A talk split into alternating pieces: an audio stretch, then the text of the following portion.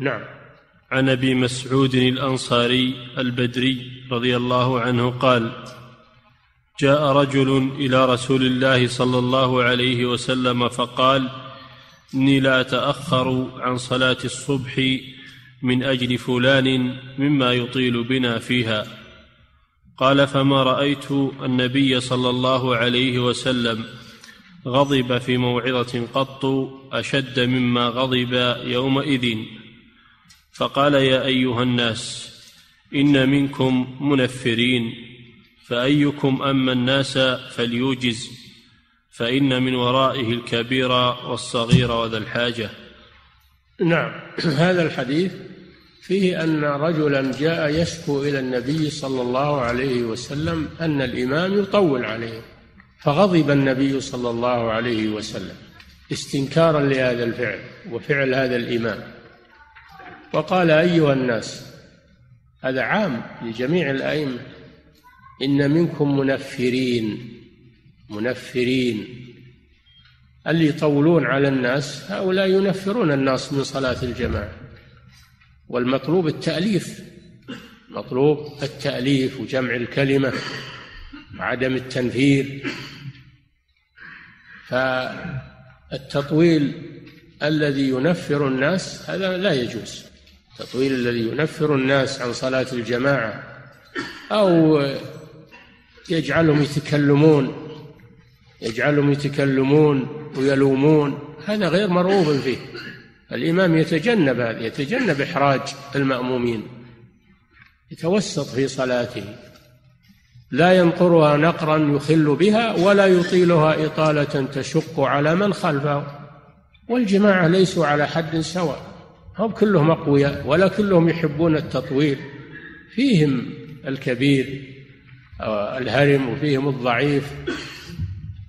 الضعيف بالمرض أو ضعف الحال. وفيهم اللي له حاجة حاجة يريد أنه يذهب إليها. تفوت حاجته. تفوت حاجته. إذا طولت عليه تفوت حاجته. والدين دين اليسر. ورفع الحرج.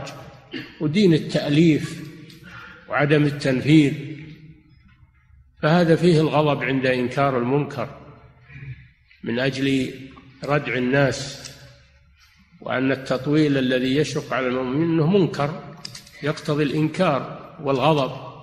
وإن كان صاحبه يريد الخير يريد الخير لكن هذا ما هو بخير لأنه يحصل به تنفير. تنفير هذا ما هو بخير. وكما ذكرنا القاعدة أن درء المفاسد مقدم على جلب المصالح وتأليف الناس مقدم على تنفيرهم. فهذا يدل على مسؤولية الإمام وأنه يراعي المأمومين. وأن من خرج عن هذا النظام الشرعي أنه فعل منكرا ينكر عليه.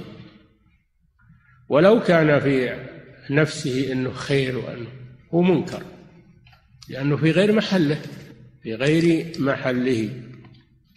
ولما صلى معاذ رضي الله عنه بأصحابه صلاة العشاء وقرأ سورة البقرة وكان خلفه رجل معه نواضح يعني معه إبل يسني عليها وقف النواضح وجاء يصلي. معاذ استمر في الصلاة.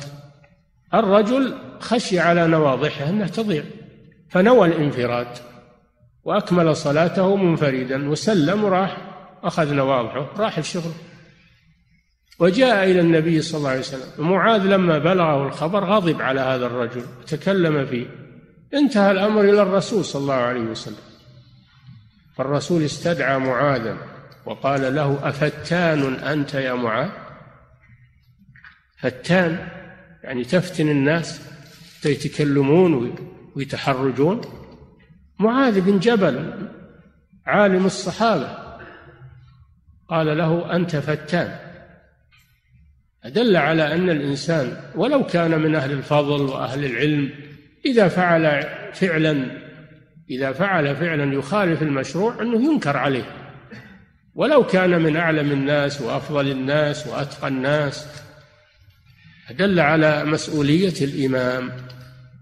دل على مسؤولية الإمام وأنه يرفق بالمأمومين ولا يشق عليهم ويراعي أحوالهم. هذا المطلوب من الإمام.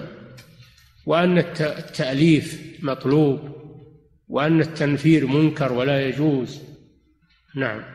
باب صفة صلاة النبي صلى الله عليه وسلم بقيت قضية الصلاة القائم خلف القاعد. هذه اختلفت الأحاديث فيها. فيها أن الرسول صلى الله عليه وسلم لما زاروه في بيته أمرهم بالجلوس خلفه وصلى بهم جالسا وهم جلوس. ثم في مرض موته صلى الله عليه وسلم خرج إليهم وأبو بكر يصلي بالناس بأمر الرسول صلى الله عليه وسلم. الرسول لما مرض استخلف أبا بكر الصديق رضي الله عنه يصلي بالناس. ففي صلاة الفجر وجد صلى الله عليه وسلم في نفسه خفة ونشاطا فخرج إليهم وهم يصلون خلف أبي بكر.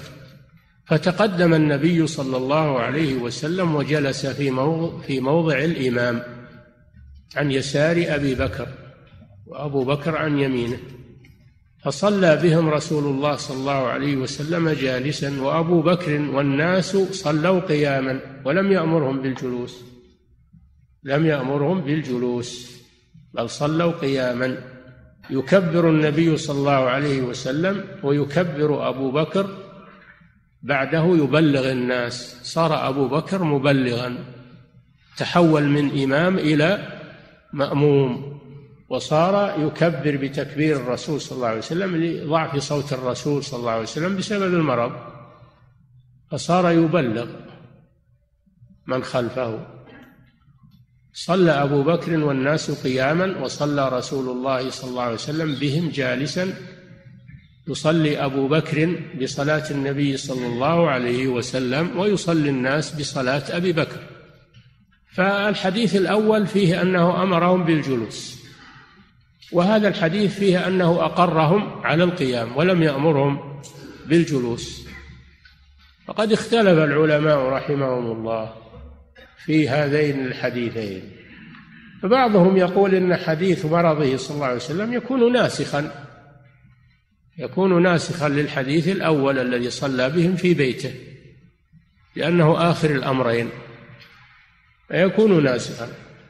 اذا فلا يجوز للمأموم أن يجلس ولو صلى إمامه جالسا للعذر بل يصلي واقفا لأن هذا آخر الأمرين فيكون ناسخا لما سبق. هذا مذهب الجمهور. عند الإمام أحمد يقول لا يصار إلى النسخ مع إمكان الجمع والجمع ممكن ولله الحمد. بأن يقال إذا بدأ الإمام الصلاة بهم جالسا وجب عليهم الجلوس كما في القصة الأولى. وإذا بدأ الإمام بهم الصلاة واقفا ثم اعتل فجلس فإنهم يتمون قياما كما في صلاة الرسول صلى الله عليه وسلم الأخيرة. هذا هو الجمع بين الحديثين وهو جمع وجيه. وكما هي القاعدة أنه لا يصار إلى النسخ مع إمكان الجمع والجمع ممكن ولله الحمد بما ذكره الإمام أحمد. نعم.